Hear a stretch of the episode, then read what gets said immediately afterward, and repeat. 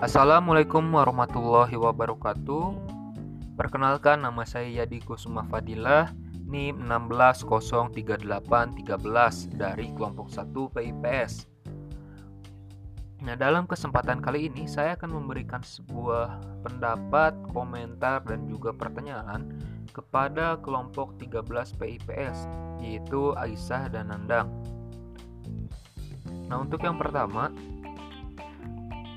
terkait penyampaian materi yang sudah dijelaskan dalam podcast eh, Aisyah dan Nandang, kedua pemateri ini menyampaikannya dengan tegas, eh, santai dan juga interaktif sehingga penyimak ini dapat paham apa yang disampaikan oleh pemateri.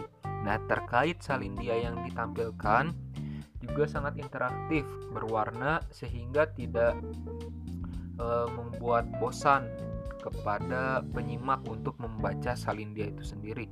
Nah, makalah yang disampaikannya juga sudah cukup baik. Nah, terkait materi, ada salah satu materi yang menarik terkait dengan kewarganegaraan multikultural. Saya sangat setuju terhadap kewarganegaraan multikultural.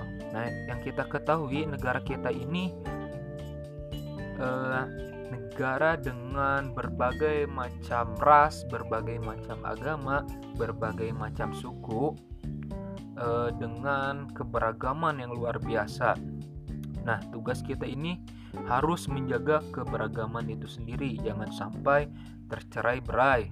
Nah, tapi masih banyak sekali permasalahan terkait eh, keberagaman di Indonesia itu sendiri. Contohnya terkait dengan bullying, terkait dengan rasisme.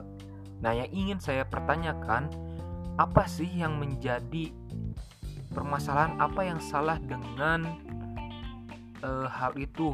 Dengan apakah pendidikan multikultural di Indonesia ini masih sangat minim? Atau apa yang menjadi permasalahan ini sehingga isu-isu rasisme dan bullying ini menjadi isu-isu yang sangat sensitif di kalangan masyarakat Indonesia.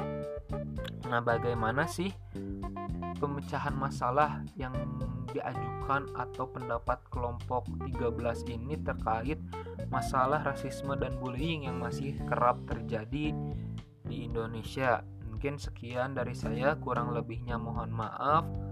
Wassalamualaikum warahmatullahi wabarakatuh.